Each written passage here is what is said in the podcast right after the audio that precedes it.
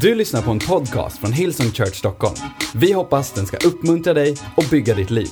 För att få mer information om Hillsong och allt som händer i kyrkan, gå in på www.hillsong.se.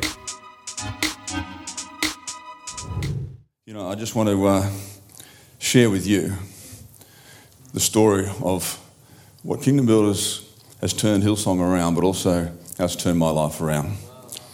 So, how's my Aussie, Aussie accent, Yosta boy? Is that all right? Who's read Pastor Brian's The Church I See?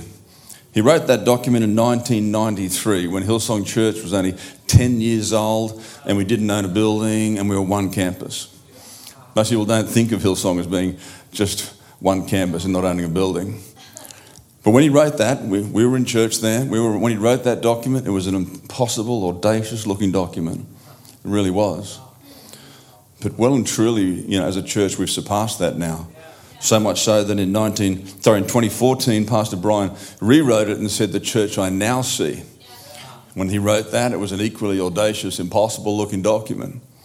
But I've got to tell you, I've got all faith that we're going to see it come to fruition because of what I've seen in the 26 years that have happened since the original one. And so, so all these years later, from a, a local church in Baulkham Hills with only one campus, not owning a building for 14 years, okay, for 14 years, you're way ahead of that.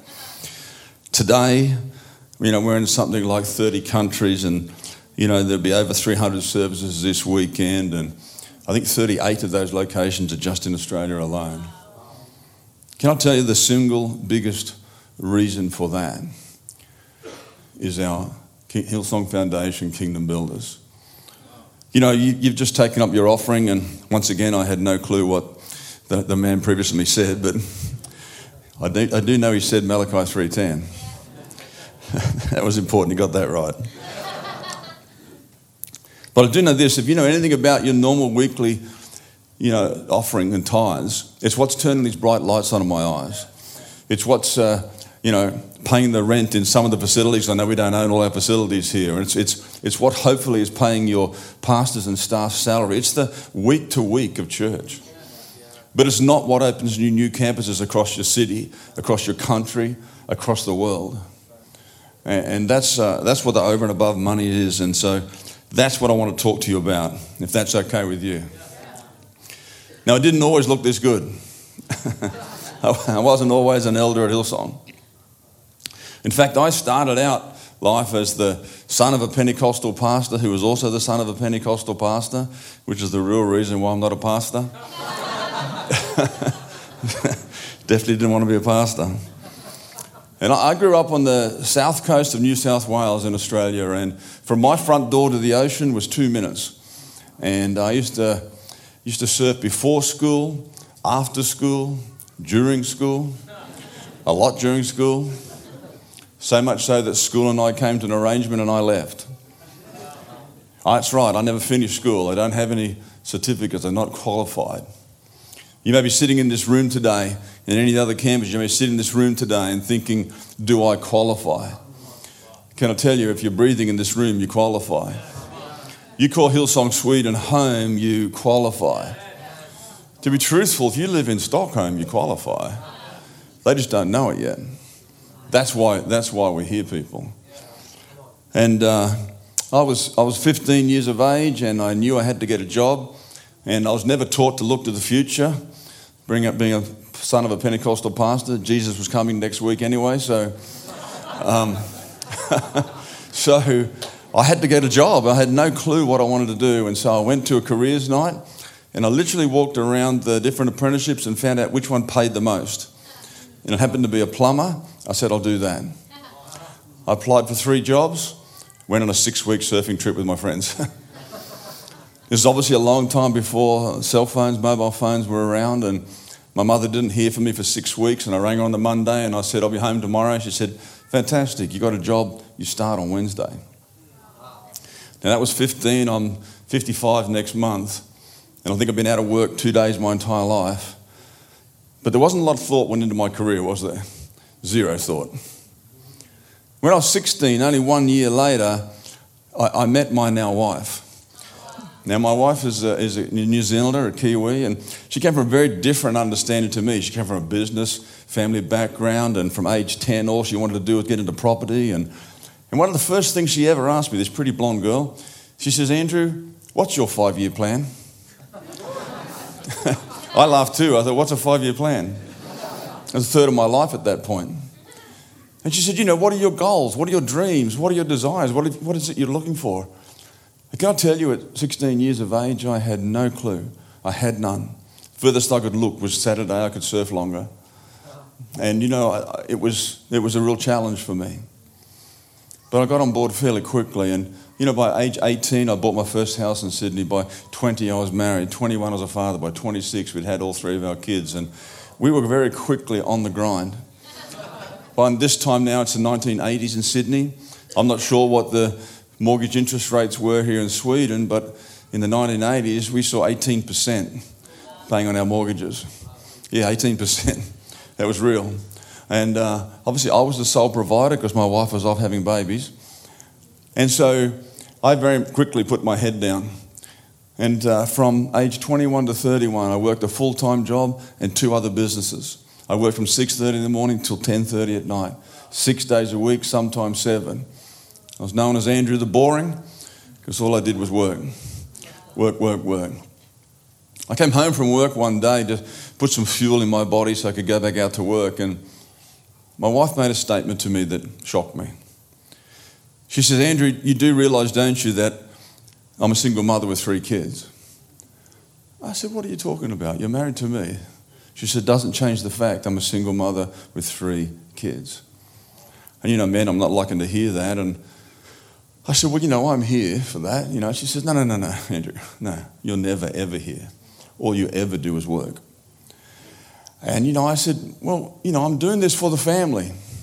She says, Andrew, do you realize we haven't had a holiday for over eight years? At that point, guys, I knew I'd lost the argument. So I did probably the same thing as you do. I walked out of the house, got in my truck, and drove down the road.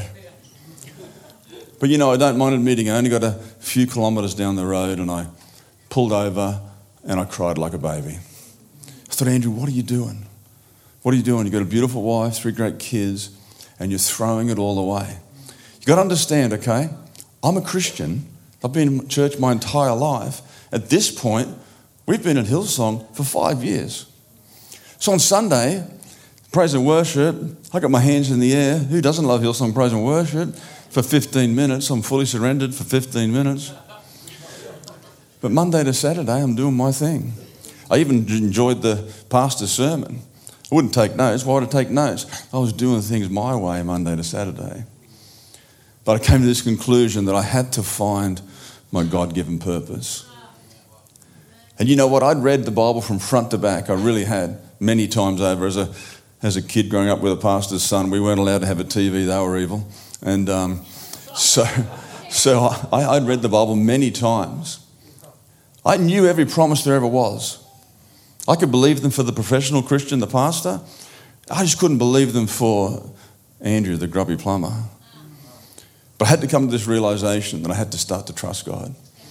And I remember reading about asking, seeking, and knocking found in Matthew 7. And can I tell you, for three weeks, just three lousy weeks, I prayed like I've never prayed before. I mean this, if you've never actually been down on your knees crying out to God, you haven't asked God hard enough. And I asked God real hard for my purpose. On that fourth weekend, God answered my purpose. Now, let me, let me tell you where Hillsong's at at this same point. We're now 14 years old as a church. We still don't own a building. Pastor Brian is getting a bit frustrated about this. You know, he's, he's been doing everything he can, you know. And he's praying prayers like this Hey, God, how about you send us some multimillionaires? And God shot back at him real quick and said, How about you raise them up? And he's like, I'm a pastor. What do I know about that? This fourth weekend of me praying for three weeks happened to be the weekend that Pastor Brian preached the message that God had given him. It's actually at a men's camp. And he, and he preached the message on the story of the centurion who comes to Jesus and asks him to heal his servant. If you all know that story, it's a famous story. Jesus is like, sure, let's go heal your servant. And the centurion's like, whoa, hold on, hold on. Firstly, I'm not worthy for you to come to my house. But second, God, you know, Jesus, you don't need to come to my house. You just say the word and my servant will be healed. And if you recall, Jesus was amazed at the man's faith. There's not many times in the Bible that Jesus is amazed at people's faith, I can tell you. But he was amazed at this man's faith. But the centurion didn't even think it was faith. He said, Faith, this is just authority. I'm a man under authority, but I'm a man of authority. You know, I say to this one, come, he comes. This guy, go, he goes. This guy, do that, he does it. Aren't you the same, Jesus? Just say the word, and my servant will be healed. Pastor Brian's looking at this and he says, This is amazing. This, this centurion, this man, he's got 100 men that'll do whatever is required. Not as robots, but as willing participants for the cause of Rome. He says, You know what, as your senior pastor, I worked out what I'm looking for. I'm looking for 100 men. 100 men that'll do whatever is required.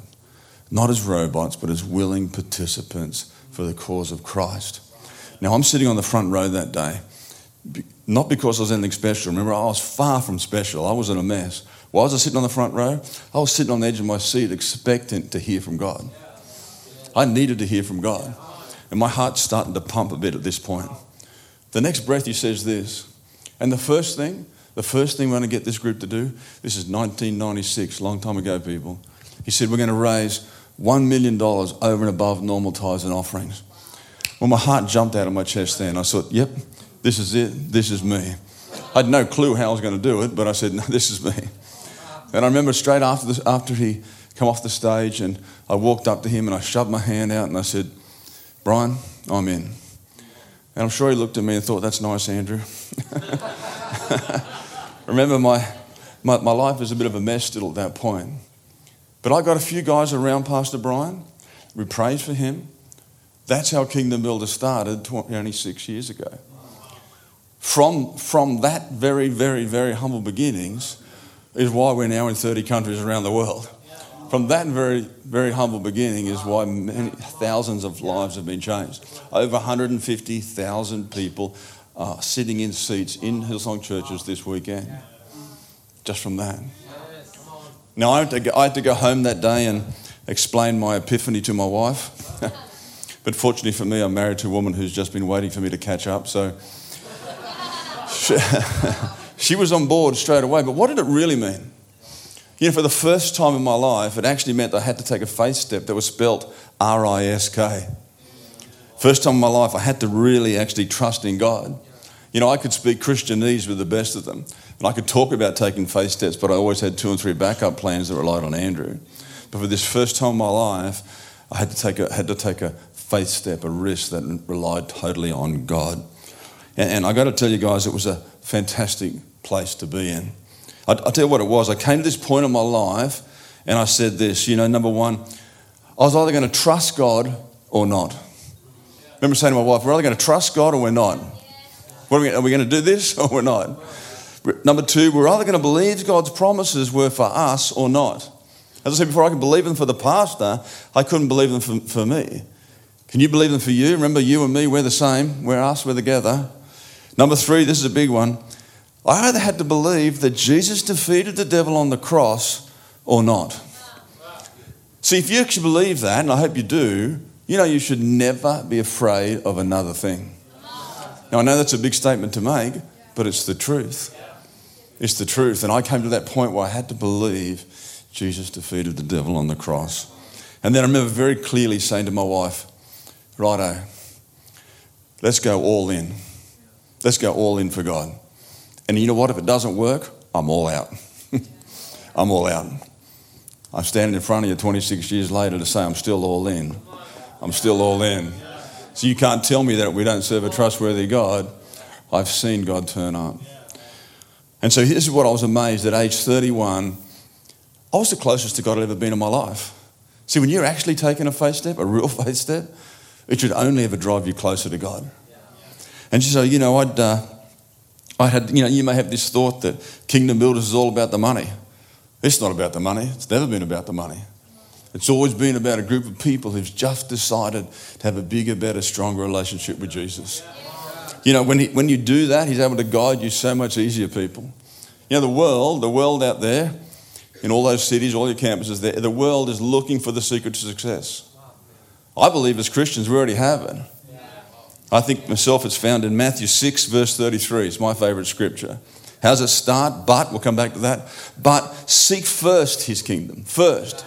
Not second, not third. First his kingdom, his righteousness, and all, not a few, not occasional, not some, all these things will be given to you as well. Pretty simple, isn't it?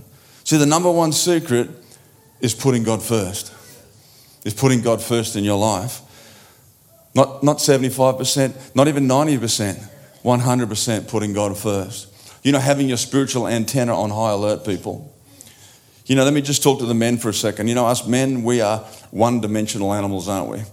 We can do one thing really well at the one point in time. Ladies, don't ask us to do two, we're in trouble. so, for us to hear from the Holy Spirit, we're going to really concentrate. Now, you ladies, you can do five or six things at once, sometimes six or eight. I believe you hear from the Holy Spirit much easier than us men. They may call it women's intuition. I believe you hear from the Holy Spirit. So, men, if you happen to be here with your wife, let me give you a tip for free. Someone who's married for 35 years. Listen to your wife. Listen to your wife. No, I mean that. I really do mean that. Because, see, I came to this conclusion. What was the point in me striving to become a millionaire and my wife hated me? What was the point of me becoming a millionaire? I was estranged from my children. What was the point of me becoming a millionaire? I was so unfit and unwell, I wasn't there to enjoy it anyway. Now, God says He wants you to succeed in all areas. And I don't know about the Bible here in Sweden, but in, in Sydney, Australia, there's no fine print under the word all. All is all. And you know, the preceding verses, 31 32, talks about the pagans chasing after that wall, after the all. So it says, uh, Don't worry, saying, What shall we eat, or what shall we drink, or what shall we wear? For the pagans run after all these things. And your heavenly Father knows, He knows that you need them. God knows you need these things. So God's got no problem with you having the things, which is good, you know, because I like the things. He just has a problem if the things have you. If the things have you. And so, can, can I just tell you that my advice to you is put God first. And so, you guys there in, in Örebro, write, write this down. If you're taking notes, and I hope you are, kingdom builders are three things. Number one, they put God first in every area of their life. Number two, they believe in the vision of Hillsong Church. We've just had Vision Sunday, a couple of weeks ago now. They believe in the vision. We believe in the vision of Hillsong Church. Number three, this is a huge one. They have their pastors back. So important to have your pastors back in what we're doing here. See, I believe that when you get those three, those first three things right, the consequence of that is, see, I believe as kingdom builders, we should have the strongest marriages. We should have the greatest relationship with our kids. We should be fit and healthy. Oh, and I believe our finances should be blessed. Well, that's my top four. What's yours? What's yours? You get to choose that. You're able to choose that. You just got to make a decision to put God first. That's the, that's the crux of this put God first. And so, can I tell you to, can I choose, ask you to choose to live a generous lifestyle now? Can I tell you, if you can't be generous when you have a little, you'll never be generous when you have a lot? Over the years, I've met many, many people who've said things like this. You know, Andrew, I'll become a kingdom builder when uh, I get that promotion at work.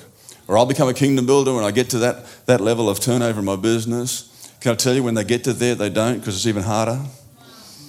Let me tell you, money just magnifies who you already are. And so if you're already generous now, when you get more money, you'll become more generous. But if you're already stingy, when you get more money, you become more stingy. If you're already a jealous person, when you get more jealous, when you come more money. Make a decision today. I want to be known as a generous person. And you know, I know a room like this and all the other campuses, there would be every sphere of life across it. And one thing we should never ever do is compare ourselves to someone else's situation. We actually have a saying, we talk about equal sacrifice, not equal giving. I remember a few years back, I was speaking at our Greater West campus in Sydney. It's a, more of a lower socio-economic area. And, At the end of the, at the, end of the night, a young man walks up to me and he's, he's literally covered in tattoos up over his face, his head, his hand, everywhere. And I recognise him from Teen Challenge and drug rehab. And I sit on the board of that in Australia. And he's now in Bible college and he's walking up to me and I'm expecting him to give me the excuse why he can't be a kingdom builder. He shoves his hand out and he says, Andrew, I'm in. He says, I've worked out, you know what? If I just give up coffee, I'm halfway there. and I said, Justin, right answer, mate. You're looking for a reason why you can do it, not a reason why you can't do it. And you think, as an ex addict, the only thing he had left was coffee. What are you prepared to give up? What are you prepared to stand for? Are you looking for a reason why you can do it or a reason why you can't do it? But I remember 26 years ago, 26 years ago to be a kingdom builder in Australia, it was a $5,000 minimum. It's still $5,000 26 years later. I love that because it means the Justins of this world, the single mums of this world, the university students of this world, you can be a kingdom builder. But I remember that first $5,000 Remember that, that first year, I changed a lot of things in my life. I quit one of my businesses. I actually worked a third less, took my family on holidays. Come the, into the half of the house, I had this $5,000 check in my hand. It definitely uh, had my fingerprints on it because it was really hard to drop it in the bucket. because, see, I, I, thought, I thought my entire life I was a generous person because I was a tither. You may be a tither and think you're a generous person. Can I tell you, tithing is not even giving? Tithing's just bringing back to God what's already His. The giving starts after that. And for my wife and I, this was the first time that we'd sacrificially given. You've got to be quiet then, Pastor Lena. but, I, but I'll tell you what, it was so fantastic. You know, it was scary, but it was exciting, but God had turned up for us. I remember saying to my wife straight away, Are you ready? Let's do this again. Fast forward one year. We're driving to church, it's half of the house weekend remember saying to the kids, they're driving, driving in the car, saying to the kids, hey, you know what, mum and dad, today, writing the biggest check of our life. Last year, God blessed us, we wrote a $5,000. This year, we made a treble it, we're writing a $15,000. I think we are driving like a $10,000 car at the time, so we were stretching. And I remember clearly getting to the church in the car park, I can see it in my mind's eye right now. Kids got out and they just took off to children's church. Before we used to scan them and do all the right things. we're, we're, be- we're better now. But I remember thinking to myself, you know what? This is just as scary as last year. This is just as exciting as last year. What I came to realize was it was exactly the same faith as last year. The same faith to give 5,000. Here we were giving 15,000. You know, two years later, only two years later, we wrote a check for 80,000. Two years after that, we wrote a check for $240,000. I'm starting to realize, you know what? This trust in God stuff works. I said, you, you can't tell me, you cannot tell me trusting God doesn't work. Only a few short years before that, remember I'd worked for 10 years, nearly ruined my marriage and everything else, and here we were, a few years later, standing on God's word, standing on his belief, trusting him, going all in, and writing $240,000 checks. That's above and beyond you can ask, think, and imagine. That's crazy stuff. But can I tell you the hardest check still to date I ever wrote was that first 5,000 because it was the first time I trusted God. I'll never forget that because it actually went towards Hillsong's first building. And I remember when we built that building, we thought we built a stadium, but the, the youth use it now and trash it. And, and um, for my wife and I, we were really proud. I mean, really proud to be there. And we stood in a long line to get in that night, and we had a seat in the nosebleed section. And you know why? Because we're given our 5,000. And I remember on the night there was a prophecy. The prophecy said that Hillsong would see multiple million dollar gifts come in. Well, Aussies can get excited when we need to, and, and there was a standing ovation, and it went for a long time. I know went for a long time because my wife and I had a conversation through it. And I remember I'm clapping away like everybody else, and I'm looking around the room and thinking, wow, which crazy person's writing a million dollar check? and my wife elbows me. And she says, I hope that doesn't mean that some multimillionaire is going to get saved and write that check. And I remember looking at her, I'm still clapping. And I said, Well, what's wrong with that, babe? That works, you know? She said, It does. But wouldn't it be better if it had been someone who'd trusted God, who'd taken the steps? You know, they'd done the yards, and then God blessed them, and they wrote that check. And I'm still clapping. Yeah, that, that'd be awesome. You know, I'm still clapping. Remember, ladies, earlier I said the Holy Spirit speaks through you. Holy Spirit spoke through my wife that night. She had no clue that she was talking about us. No clue. But can I tell you, only eight years later, only eight years later, with my brother, we wrote that million dollar check. And can I tell you this? Was it exciting? Yeah, you bet. Was it scary? Too right. But I'll tell you now, it was exactly the same faith. And I remember I had this million dollar check, and I'd never seen a million dollar check before. And I said to my brother, I said, um, let's not drop that sucker in the bucket in case they lose it. and so, so we made an appointment to come and see the pastor. And I, I sat opposite the pastor and I, I handed it to him. And, and he looked me in the eye and he says, Denton, you know I'm not going to treat you any different. And I said, Good, good. I don't want you to treat me any different. In fact, I made him promise not to tell who gave it. I said, Because sometime this weekend, some couple's writing a $5,000 check and it's going to take exactly the same faith. Exactly the same faith.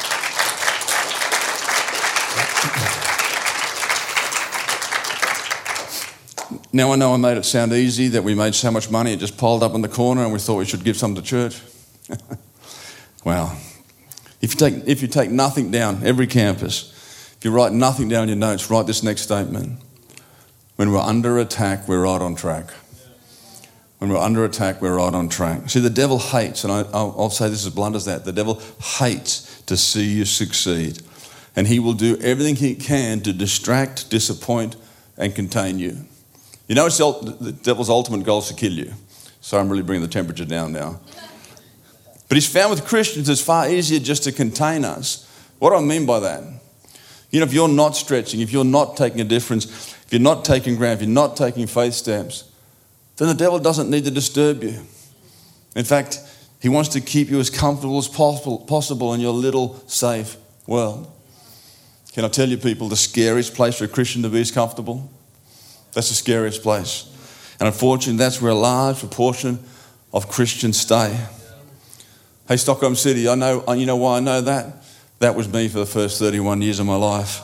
But I don't know about you, but I want to, I want to live an exciting life. I want a life sitting on the edge of my chair expecting life. I want to live a life that requires God to turn up.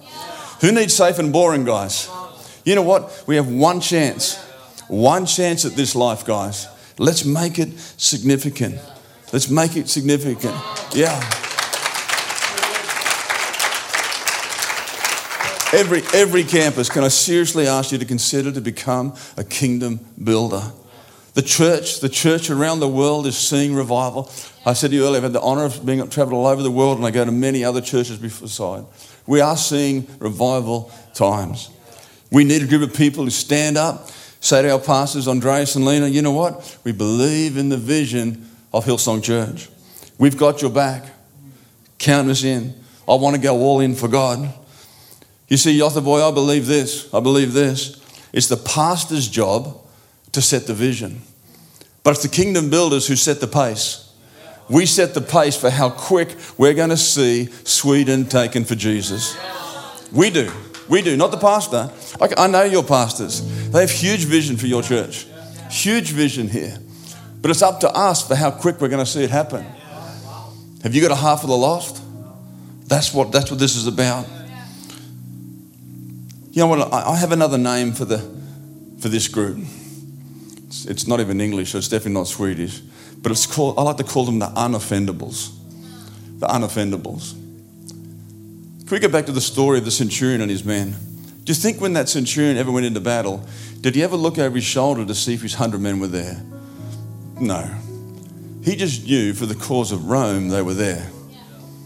Had he offended some in the previous few months? No doubt. No doubt. He would have forgot Joe's birthday, he wouldn't have known Mary's new hairdo, or whatever, all the silly things that people get offended about. Can, you, can, I, can I tell you? In 29 years of being part of Hillsong Church, what, you think I haven't been offended? Hmm. Of course I have. I'm still here. I'm still here. Are you still here? See, when, when, when you live offended, when you live offended, number one, you're a dream stealer. You're stealing away the vision. Number two, you're a relationship killer. Number three, this is a bit harsh, but it's true, you're a time waster. We haven't got time, people, for that. We haven't got time for that. But when you live unoffended, you become a dream releaser. You become a releaser of that vision. You become a relationship builder and you become a time creator.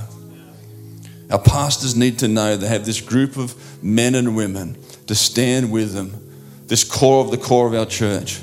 You know, as, as with my elders I had on here and, and speaking on behalf of your pastors too, I can tell you now, all we want to see you do is succeed in every area of your life. In every area of your life. My challenge to you is whether you're in Stockholm City or North or Göteborg or Jönköping or Örebro, I want, you, I want to do this. Are you going to remain comfortable and contained like I did for the first 31 years of my life? Or are you going to trust God? Make that decision. Going to believe His word. Believe that the promises in the Bible are for you, not just the big ugly Aussie up the front, for you. If God can do this for me, He can do this for you. Decide to put God first in all areas of your life. Take faith steps guided by the Holy Spirit. Make wise choices. God promises you success. He promises you success, people. I stand in front of you here today that if I can do this with God, you can do this. It's just your choice. It's just your choice. 26 years ago, my wife and I made that choice. Can I ask everyone in all the campuses if you'd mind bowing your head and closing your eyes? You know, if you know, if you know that you've been lacking in your trust of God and believing in His Word, but you want to go all in for God, you want to be one of the unoffendables, this core of the core, a kingdom builder, could I ask you to put up your hands so I know who I'm praying for? Thank you, thank you, thank you, thank you, thank you, thank you, thank you, thank you. Many hands, thank you. Thank you, God, for every man and woman who's decided to be counted as a kingdom builder today. I pray you bless them above and beyond they can ask, think, and imagine. Give them courage to trust you and believe your word is true in every area of their life. I thank you for it now. In Jesus' name. Amen. Thank you, people. Du har lyssnat till en podcast från Hillsong Church Stockholm. Om du vill veta mer om vår kyrka eller om våra söndagsmöten, surfa in på www.hillsong.se.